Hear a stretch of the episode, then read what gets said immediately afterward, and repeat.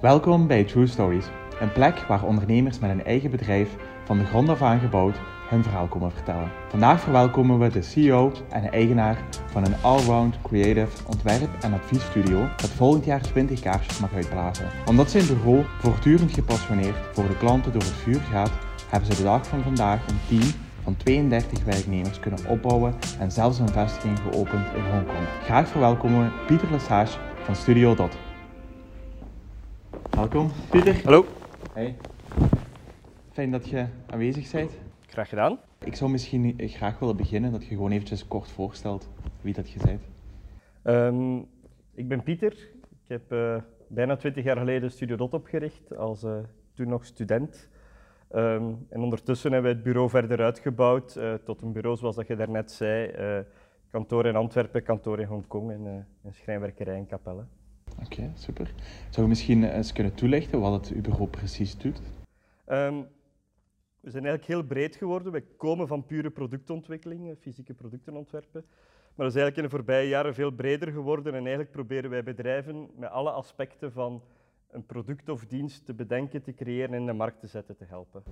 Ja, er zijn verschillende afdelingen binnen jullie bedrijf? Ja, dus zoals gezegd, we zijn begonnen met uh, productontwikkeling. Dat blijft een van de grotere afdelingen.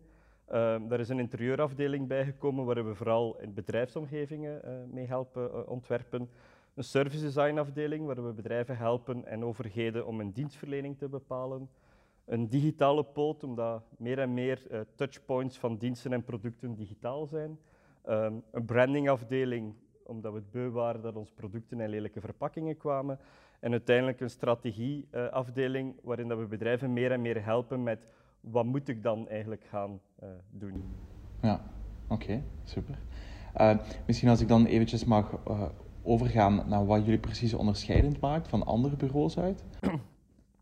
um, we doen heel veel. Um, en, en, wat is dan de rode draad in, in alles wat, dat wij, wat dat wij proberen te doen?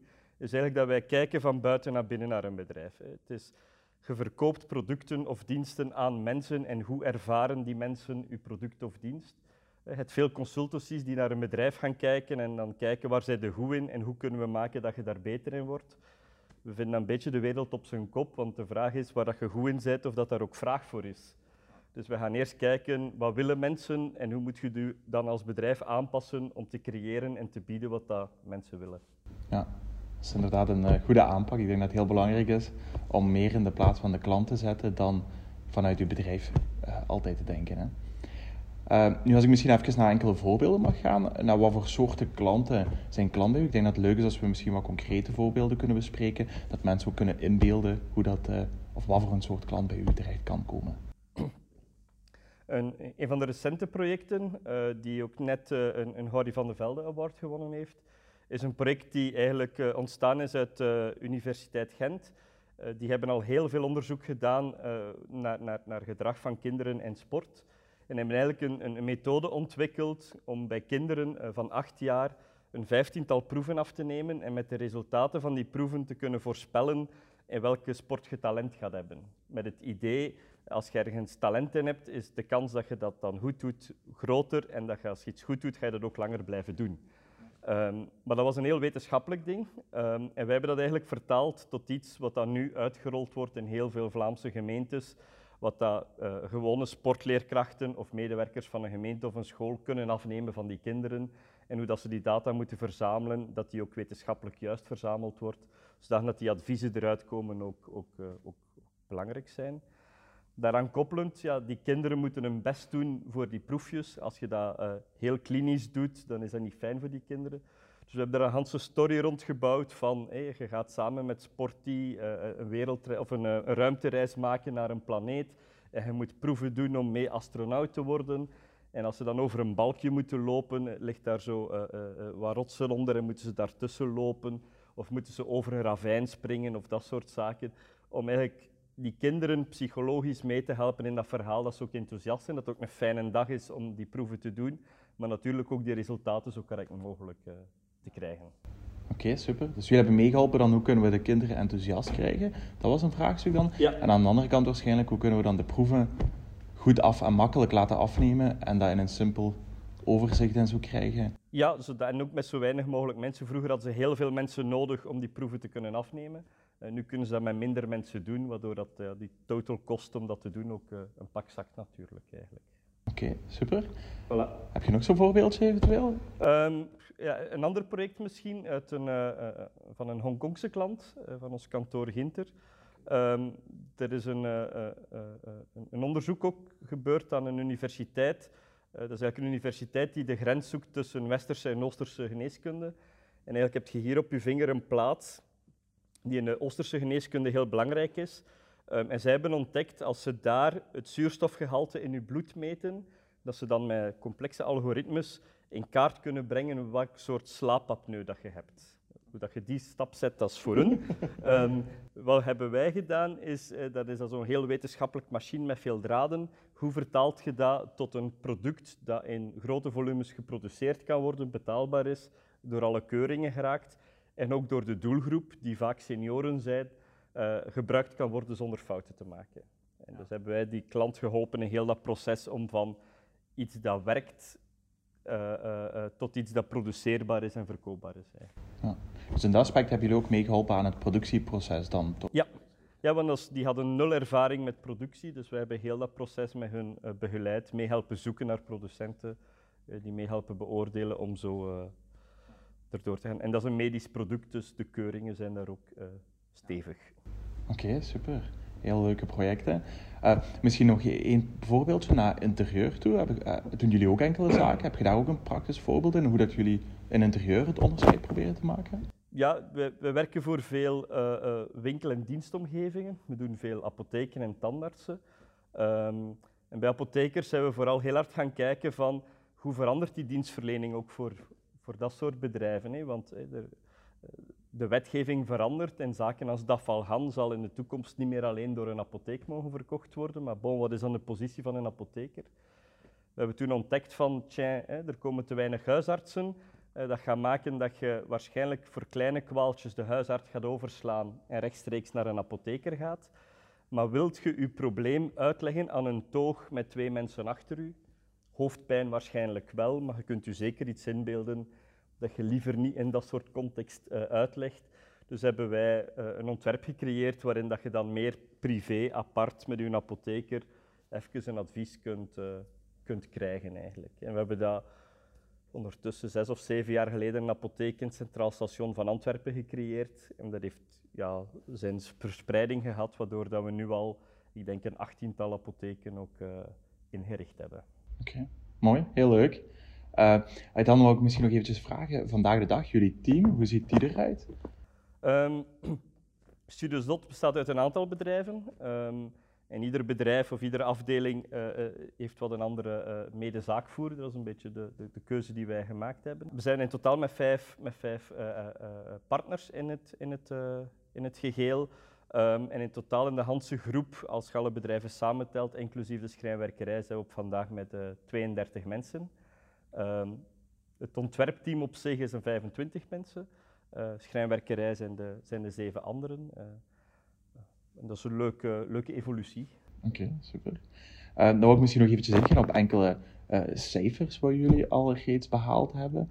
Um, naar projecten, naar euro's ja. toe. Misschien enkele zaken waar je daaraan kunt halen. Terug als ik naar de groep kijk, denk ik dat wij ongeveer dit jaar 2,5 miljoen gaan draaien als, als groep. Um, wij doen op het ontwerpbureau, ik heb het vanochtend nog eens opgezocht, een 150 uh, projecten en in de schrijnwerkerij een vijftigtal per jaar.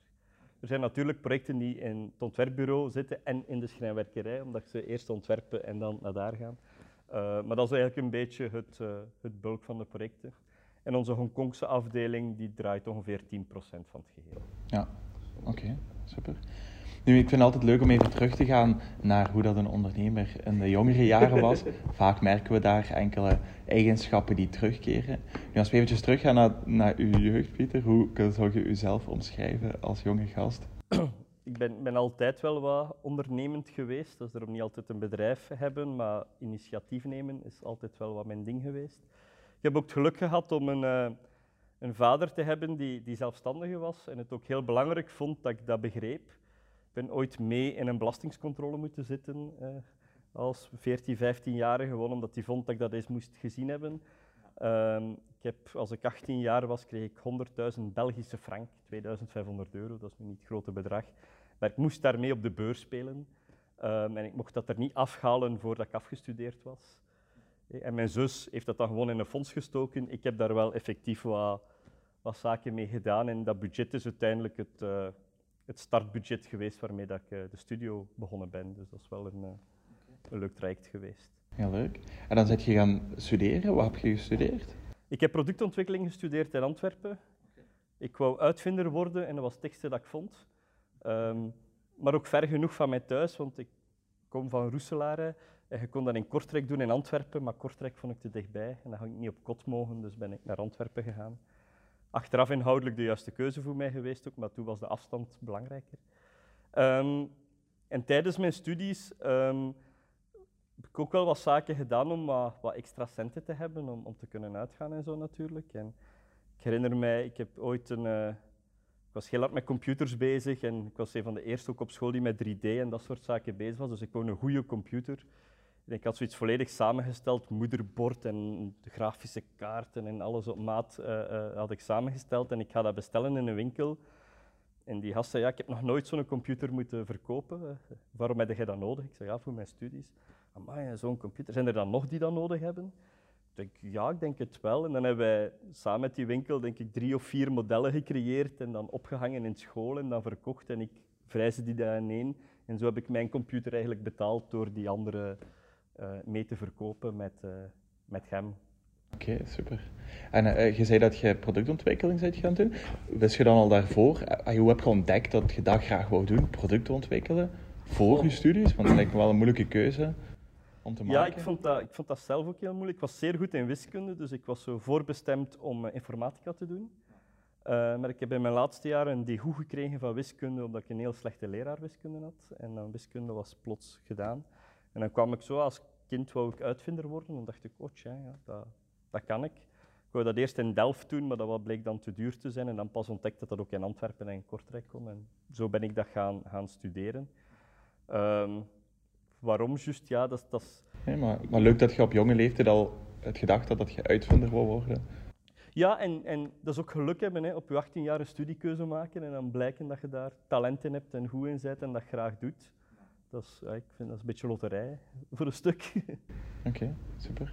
En dan zit je uh, tijdens je studies met je bedrijf ook gestart. Hoe is dat gestart? Ja, ik, um, ik, ik, ik, maakte zo wat websites en grafisch werk en zo als, als jobstudent.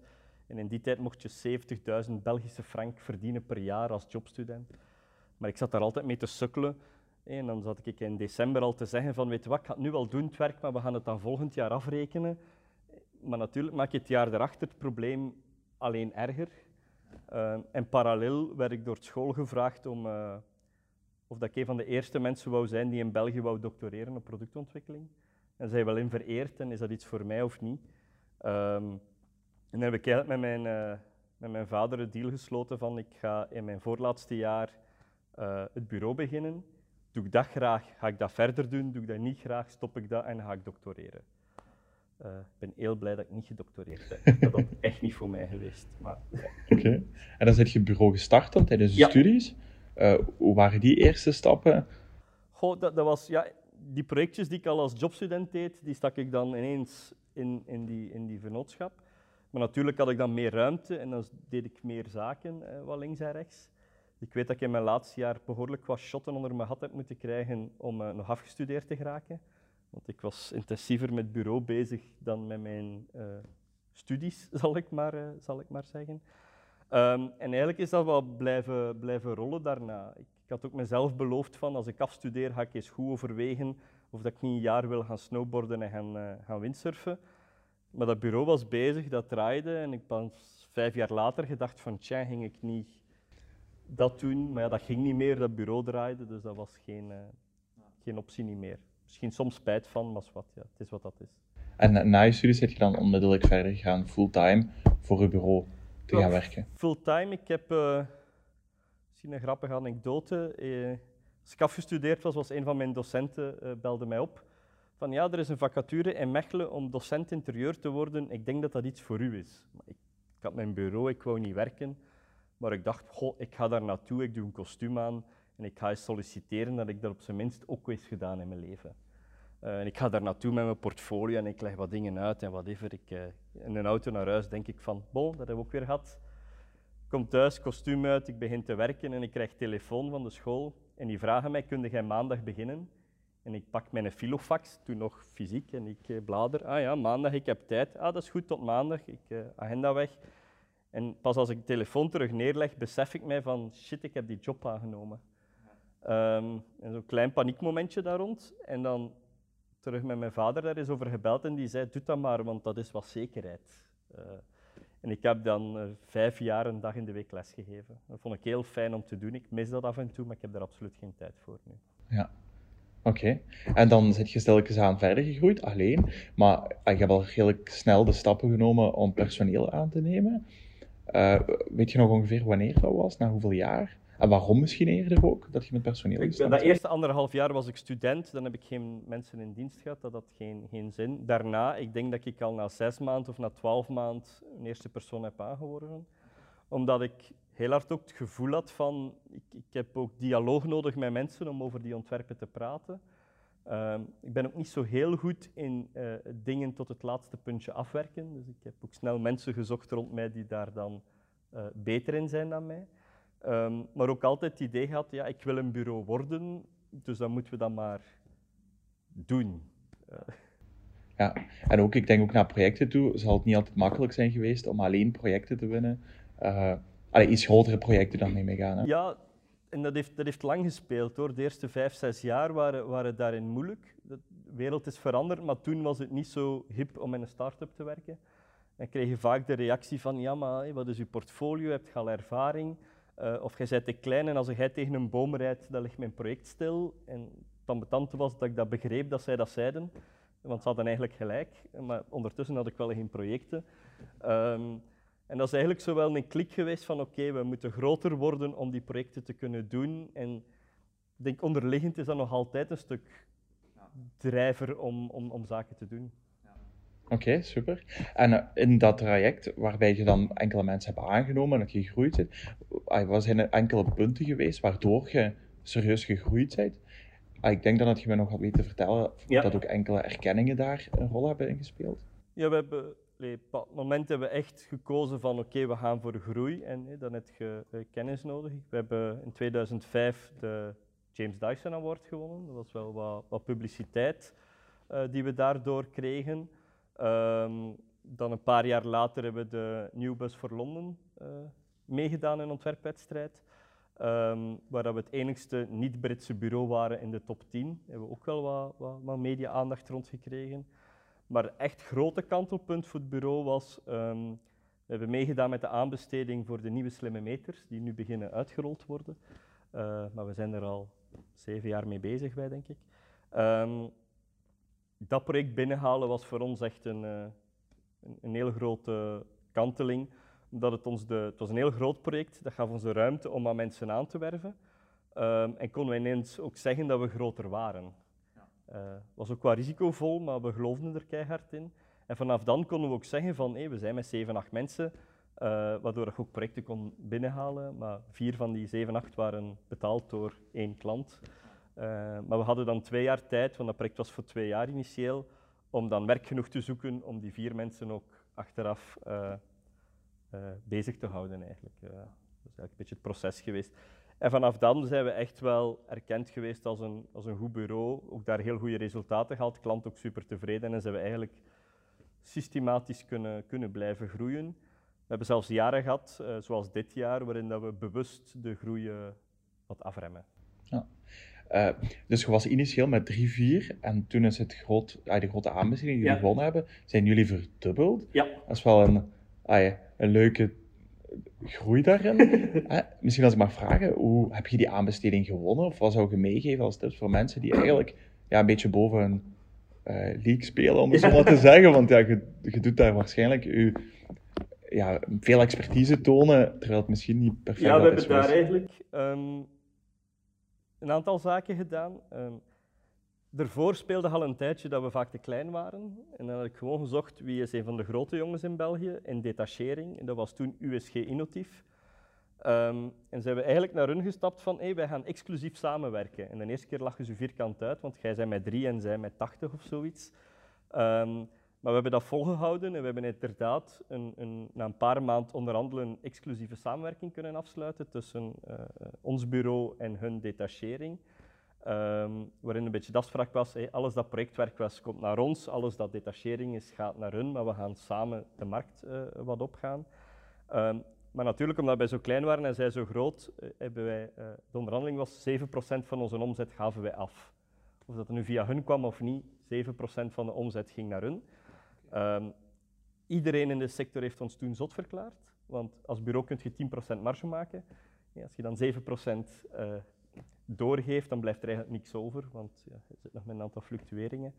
Iedereen zei, ze zot en gaat niks meer verdienen. Maar het heeft ons wel de mogelijkheid gegeven om te zeggen dat we groter zijn, want er staat 80 man achter ons. En dat hebben we ook gebruikt dan om dan Neandis binnen te halen. Hè, want we moesten wij niet zeggen, we zijn met drie, maar we konden zeggen, we zijn met 83. Ja. en, en, en zo gaat je systematisch verder. Het tweede wat dat we bij Jandis gedaan hebben, is eigenlijk gewoon de kostprijs gedaan van hey, die vier mensen aanwerven, wat kost dat? Alle software en hardware kopen, wat kost dat? Uh, en dat op twee jaar. En wat kost dat om al die mensen terug te ontslaan achteraf? En dat is het budget dat we gaan vragen. Ja. Um, waardoor dat we ja, het bureau niet op het spel zetten, want hey, als het daarna niet zou lukken om te groeien, konden we wel iedereen ontslaan en, en, en correct uit elkaar gaan. Maar het gaf onze ruimte om, om te groeien en groot te zijn en een aantal investeringen te doen die we nodig hadden, die we 100% hebben afgeschreven op één klant, maar wel... Uh... Weet je nog hoeveel budget dat was dat, dat, waarover de aanbesteding ging? Ik denk dat dat is begonnen met kwart miljoen tot 300.000, denk ik. Dat, uh, dat was toen x keer onze jaaromzet. ja, en dat voor twee jaar, dus dan was het... Dat was, was, ja, dat verspreid ja. over twee jaar, hè, maar, maar uiteindelijk hebben wij zes jaar voor, voor Jannes gewerkt. Uh, dat is altijd wel wat uitgebreid of geschoven. Of, dat is logisch in ontwikkelprojecten, dat is zeer onvoorspelbaar. Oké, okay, super, heel mooi. Uh, en dan misschien eventjes terug gaan. Eigenlijk is ik initieel gestart alleen, maar vandaag de dag is dat niet meer zo. Uh, kun je misschien beginnen bij het begin van hoe is dat gekomen dat er uh, een medevernoot bij is gekomen? Ik, ik, ben alleen gestart als student en ik heb dan vijf, zestal jaar alleen gedaan. Maar Alexander, mijn huidige medevernoot, is ook mijn beste vriend sinds dat ik 15 jaar ben. Um, en eigenlijk, ja, ik zat zo in de knoop. Ik, ik had ook wel wat schulden opgebouwd in die eerste jaren. En hij zat ook zo, hij werd er boven Van Holen, zat daar ook wat vast. Um, en zijn we daarover beginnen praten. En ja, dat is een moeilijke beslissing om met uw beste vriend uh, uh, in zee te gaan uh, om een bedrijf samen te hebben. Onze relatie is ook veranderd, niet verslechterd, maar veranderd. We gaan niet meer zo vlot samen een pint pakken nu, omdat je al iedere dag naast elkaar zit. Um, dat is eigenlijk een heel goede beslissing geweest, omdat wij heel complementair zijn.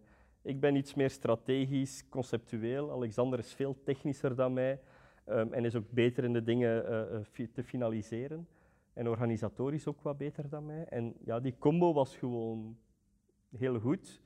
We hebben ook heel even gekeken met een viertal mensen toen om dingen te zaken, maar dat, die match was er niet. Dus ik en Alex zijn dan uh, alleen verder gegaan. Um, en daarna zijn er stelselmatig wat mensen bijgekomen, Brik, Tine, Maarten, maar altijd vanuit een specifieke achtergrond. Hè. Brik kwam onze interieurafdeling leiden, Tine is onze service design afdeling komen leiden, Maarten is de schrijnwerkerij. Um, en zo zijn we stelselmatig wat gegroeid. Ja, oké, super. Heel leuk, uh, heel leuk om te horen. Uh, nu, vandaag de dag zitten jullie met een team van 32 personen. Uh, ik wil misschien even vragen, hoe organiseer je dat 32 personen? Hoe is dat een beetje opgesplitst en hoe zorg je ervoor dat iedereen goed zijn werk doet? Het, het, is zo, langs de ene kant proberen we dat zo weinig mogelijk te organiseren. Omdat ik, ik heb geen zin om voor iedereen te bepalen wat dat hij vandaag moet doen. Uh, dat zit echt niet in mijn, in mijn genen en ook niet in de genen van het bedrijf. Dus we proberen heel vlak te zijn. En eigenlijk hoe dat wij onszelf organiseren, we hebben ook geen teams. Mensen werken vaak in teams samen, maar we hebben geen vaste teams op bureau. We hebben, eh, alle ontwerpers hebben eh, één of meerdere skills, zijn interieur en digitaal en service design. Afhankelijk van de persoon heeft die één of meerdere skills daarin. En als een project binnenkomt, kijken we in de planning welke skill hebben of skills hebben we nodig voor dat project, wie is beschikbaar en zo puzzelen wij uh, mensen bijeen. Maar het is altijd één iemand die het project eigenaar wordt en het project leidt. Um, en dan zelf de vrijheid heeft om rond zich te kijken welke mensen dat die uh, wilt en kan inzetten.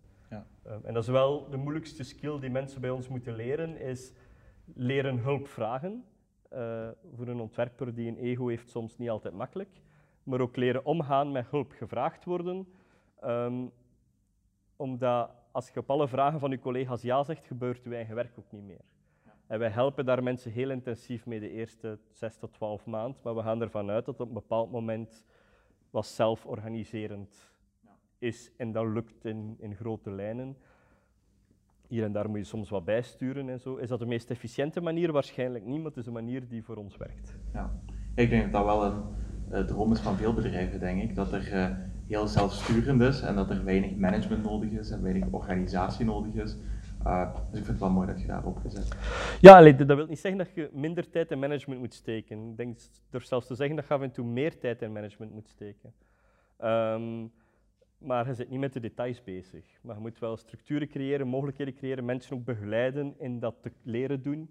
Uh, dus daar kruipt ook wel veel tijd en energie in. Uh, maar je zit niet met die details bezig. Uh, maar dat is ook omdat we willen niet dat mensen voor ons werken, maar een deel van ons worden. En dat klinkt zo heel hippie om dat te zeggen. Uh, maar je moet het dan ook waarmaken. En wij proberen dat waar te maken door 100% transparant te zijn. Iedereen weet wat dat iedereen verdient. Ook mijn loon is open en de volledige boekhouding is open voor alle mensen. Waardoor dat mensen ook zien van waar dat geld komt, waar dat naartoe gaat en wat dat de ruimtes zijn om dingen uh, te doen. Met als nadeel dat wij bij sommige mensen soms die zeggen, ja, maar de tijd is op, kan ik beter iets anders doen. En we af en toe moeten pushen, want nee, je hebt nog wel wat ruimte, doe maar. Um, Wat is het doel van die transparantie? Ja, zoals ik zeg, mensen een deel van ons maken en niet voor ons werken. Dat ze mee dat bedrijf bouwen. Mijn, mijn absolute droom in de, in, in, de, in de toekomst is niet dat ik uh, een overnemer vind of dat mijn zoon of whatever het bedrijf overneemt, maar dat eigenlijk de mensen het bedrijf ja. kunnen overnemen. Uh, dat is eigenlijk waar wij long term echt naartoe willen. Okay. Ik wil misschien nog heel eventjes ingaan op die skill matrix. Uh, hoe pakken jullie dat aan? Hebben jullie verschillende eigenschappen van personen waar dat dan die mensen op scoren? Of hoe moet je dat Scoren doen we niet echt. Dus ja, als we iemand moeten aanwerven, kijken wij in onze planning en de skills die wij in huis hebben, wat hebben we tekort. Dus daarop werven we aan. Uh, maar het is niet omdat je binnenkomt als service designer dat je dat de rest van je leven blijft. Hè. Mensen die al gemigreerd zijn naar digital of, of anders. Um, Hoeveel eigenschappen hebben jullie zo, waar jullie gewend zijn? Zeven denk ik nu, maar dat kan wel groeien en krimpen. Ik denk dat er nu een zevental zijn. Hè. Productontwikkeling, interieur, service design, digital, branding, strategie en, en administratie, dus zeven. Um, maar dat is continu een evaluatie en bijsturing. Dat, dat, dat, dat, is niet fix, dat ligt niet echt heel hard vast. Um, en mensen evolueren daarin ook. Hè. In het begin kun je als je nooit de kans krijgt om iets te doen, kun je er ook nooit goed in worden. Dus dat is, dat is ook altijd zo wat schuiven om mensen ook af en toe kansen te geven om in een skill die niet misschien de hunne is, toch eens ook in een project mee te werken. Oh. en jullie uh, procedure om mensen aan te nemen, hoe pakken jullie dat aan? Um, dus voordat we een vacature hebben, steken wij heel veel energie in employer branding. Um, daarom dat ik ook veel lezingen geef, uh, veel gesprekken op scholen doe, juries meedoe uh, stages begeleiden. Allee, we steken daar veel energie in. Waardoor als wij een vacature uitschrijven, wij tussen de 50 à 100 kandidaten hebben. Dat is een luxe positie. Dat is uh, um, heeft ook een nadeel, want je moet er ook door. je moet ze ook verwerken. Ze zijn niet allemaal goed natuurlijk. Um, daar mogen er maximum 10 van op gesprek komen. En dat is een pure selectie op portfolio. Uh, vandaar dat ik ook af en toe wat opleidingen geven hoe maak je een portfolio, want dat is soms een beetje triestig. Um, maar dus portfolio, daarmee raak je door de deur. En dan is er een gesprek met mij en dat is natuurlijk wel zien hoe ontwerpen ze, wat meer in detail erop ingaan, maar vooral ook een, een buikgevoel van mij, past die persoon bij ons in het team? Want we nemen niet altijd per definitie de beste ontwerper aan. We nemen een beste aan waarvan we het gevoel hebben dat die gaat passen in het team. Um, na die gesprekken gaan we twee, maximum drie mensen mogen een dag komen meedraaien. Dan krijgen die een oud project van ons waar ze een dag op moeten werken. Het resultaat van die dag is niet belangrijk, want uh, die hebben stress en dat is maar een dag en dat kun je niet beoordelen. Maar het gaat veel meer over van hoe pakken ze dat aan, welke vragen stellen ze, hoe communiceren ze met ons, hoe zitten ze smiddags mee aan tafel. Het gaat over die zaken. Ehm, en dan ga ik samen met de mensen uh, die ermee gaan moeten samenwerken, uh, praten we erover en beslissen we samen wie dat we uiteindelijk in dienst gaan nemen. Ja. Oké, een heel duidelijke procedure. Uh, nu, was er daar misschien fouten die je al in het verleden hebt gemaakt, naar aannemen toe? Grote tip die jij zou meegeven? Ik heb een paar keer mijn buikgevoel niet gevolgd, omdat ja, mij laten overtuigen door collega's van door een portfolio, oh, maar zo'n goed portfolio en dat zou toch tof zijn dat die bij ons zit. Dat zijn ook de mensen die niet meer bij ons werken ondertussen. Um, dus dat is ook het gevoel bij ons op bureau nu van, als Pieter zijn buik niet goed zit, dan, uh, dan wordt hij niet, niet aangeworven. Um, dat, dat, is heel belangrijk. Um, fouten die wij ook gemaakt hebben is, in het verleden, is iemand nieuw aanwerven, die kent niet de geplogenheden van het bureau. Je hebt soms afspraken gemaakt met iedereen, uh, maar iemand nieuw weet die afspraken niet. Dus die zijn nu allemaal super gedocumenteerd op een wiki die iedereen aan kan. Nieuwe mensen krijgen ook een buddy die al die zaken wat toelicht uh, en, en waar dat die persoon ook iedere keer vragen kan aanstellen van... Want je wilt niet aan, aan uw baas, hoewel dat we dat niet proberen te zijn, maar dat blijft een gevoel bij nieuwe mensen dat ik de baas ben. Je wilt niet aan die vragen hoe dat koffiemachine werkt. Dat zijn zo van die dingen, dus vandaar die buddy, dat is, dat is daar wel, uh, wel belangrijk in, in geworden in, in dat proces. Um, maar ik heb ook mensen gehad die hun eigen portfolio niet gemaakt hadden. Uh, als je dan achteraf zag wat dat ze deden. En je ziet wel, komt wel wat zaken tegen. Ja, Oké. Okay. Ja, ik hoor dat je heel veel inzet op, uh, op jullie team. Zijn er nog bepaalde voorbeelden waar je zegt, op deze manier proberen we ook ons team mee te trekken? Ja, die transparantie is heel belangrijk. Ook, ja, op het laatste van de maand, iedere laatste vrijdag van de maand, moet iedereen aan iedereen presenteren wat dat hij de voorbije maand gedaan heeft. Dat is eigenlijk ontstaan uit de vraag van de mensen van, uh, of een gevoel bij de mensen dat ze niet meer wisten wat er allemaal gebeurde. Als we met vijf, zes waren, dan wist je alles. Als je nu met 32 bent, dan, dan weet je niet meer alles. En was vaak, oh, hebben wij dat ook gedaan? Dat is eigenlijk daaruit ontstaan. Maar eigenlijk, door dat te beginnen doen, is er ook uitgekomen van, uh, dat er ook inhoudelijk versterkt van, dan komt er, waarom doe je het niet zo of zo, en kunt je bijsturen. En het is ook een, ja, competitie is misschien niet het juiste woord, maar het drijft de kwaliteit mee naar boven, omdat je ook aan elkaar moet presenteren en je wilt niet onderdoen voor je collega. En dan eh, is dat wel leuk.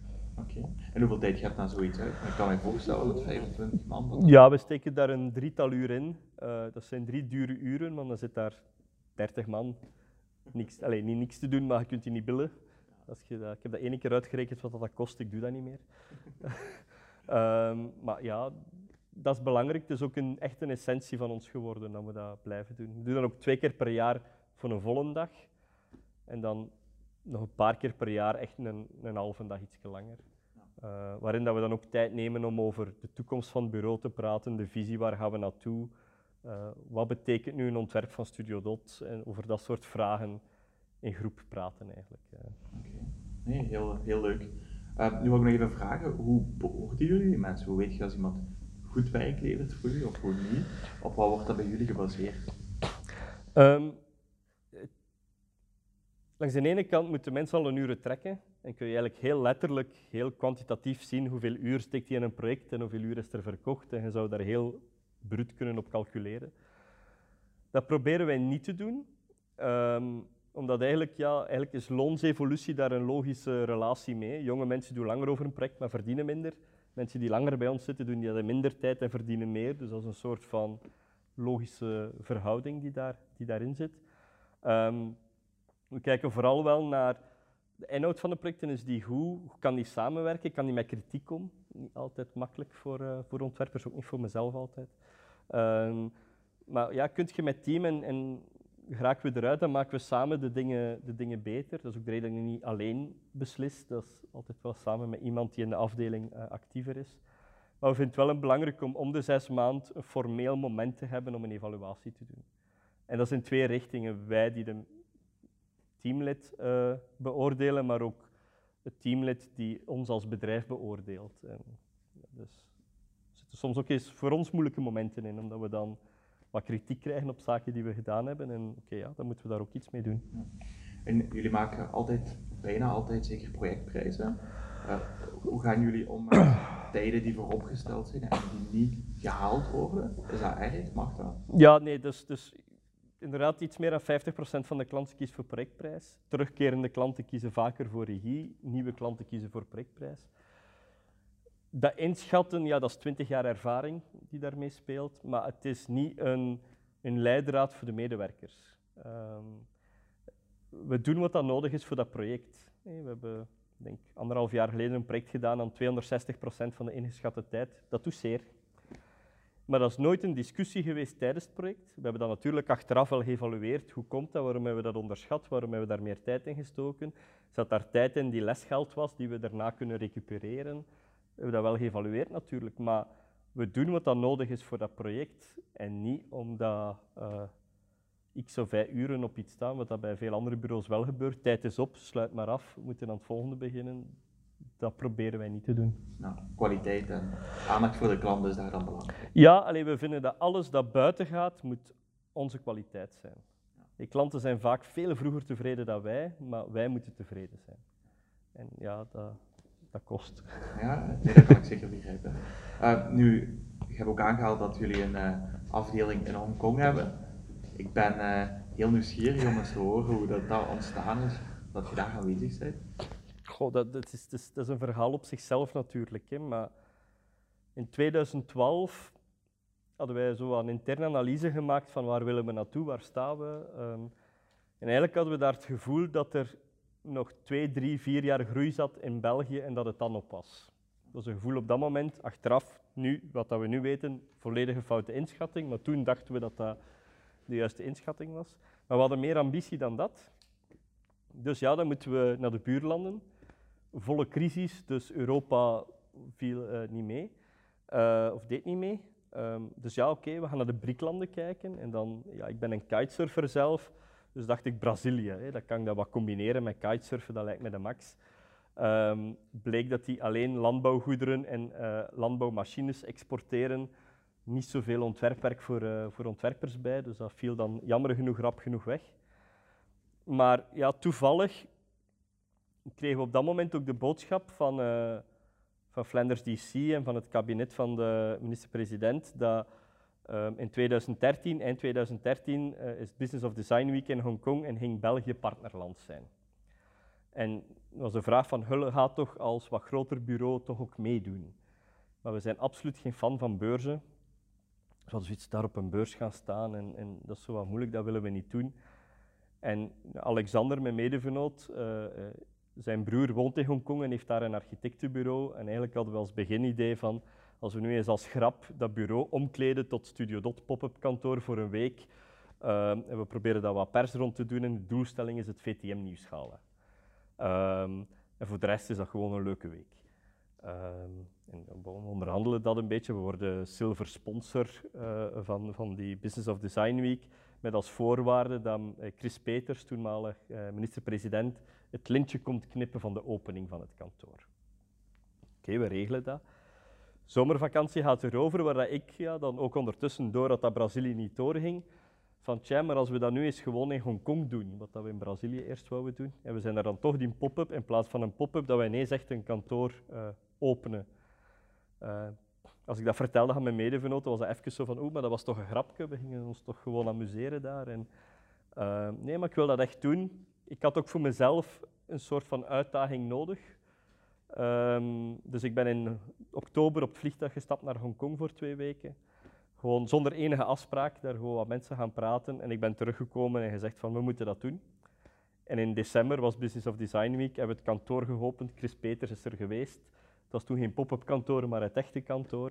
En we hebben effectief het VTM-nieuws gehaald, dus dat de doelstelling uh, gelukt.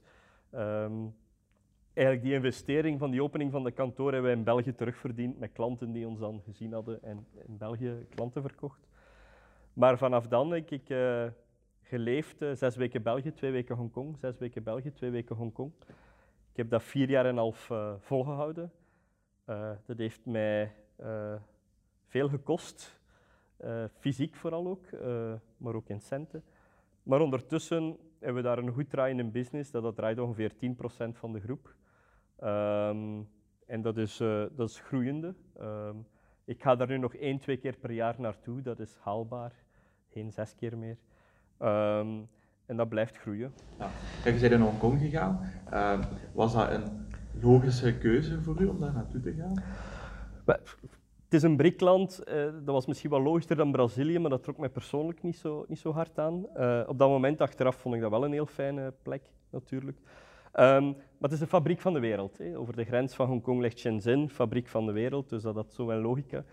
En met daar naartoe te gaan, hebben wij daar eigenlijk een niche ontdekt van bedrijven die OEM produceren, dus produceren voor andere bedrijven, die willen omschakelen naar eigen merken en producten.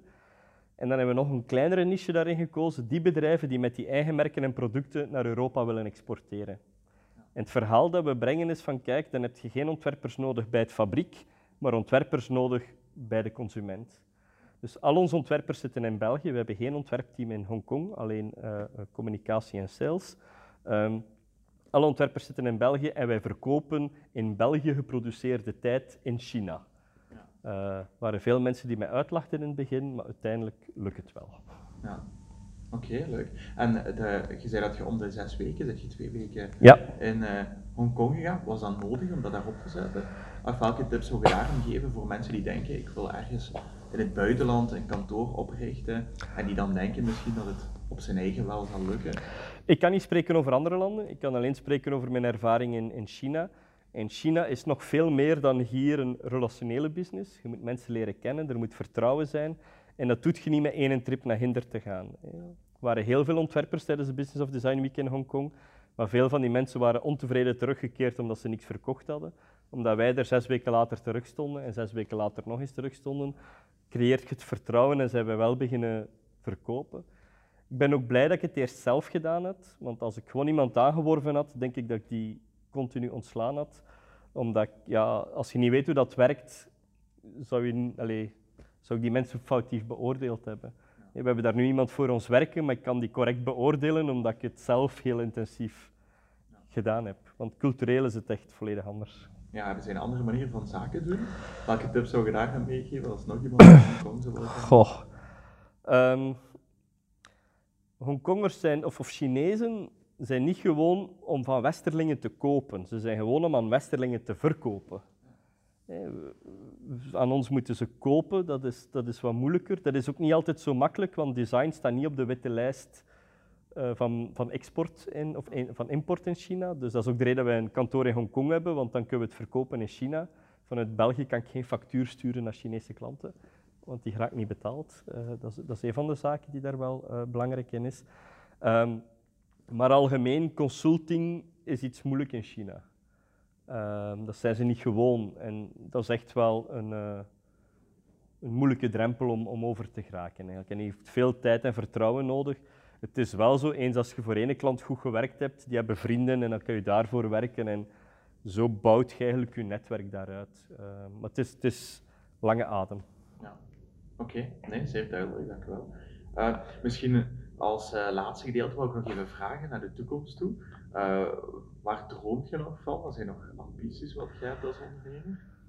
Ja, ik droom al een paar jaar van ons nieuw gebouw. Dat gaat er hopelijk eind volgend jaar zijn. Dus dat gaat al een belangrijke droom zijn waar we naartoe gaan. We ook, gaan daar veel meer ruimte hebben. We gaan ook specifieke ruimtes hebben voor specifieke doelen.